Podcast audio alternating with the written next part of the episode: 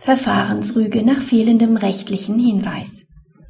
Das Oberlandesgericht Oldenburg hat sich zu den Anforderungen an einen rechtlichen Hinweis nach 265 StPO geäußert.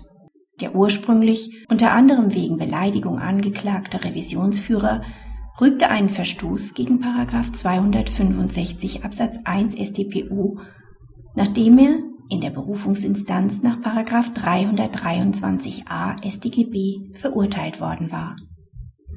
Das Oberlandesgericht Oldenburg sah die Verfahrensrüge als hinreichend begründet, obwohl sie nicht auf ein Schreiben des Strafkammervorsitzenden einging, das im Zusammenhang mit der Übersendung eines psychiatrischen Gutachtens an den Angeklagten ergangen war.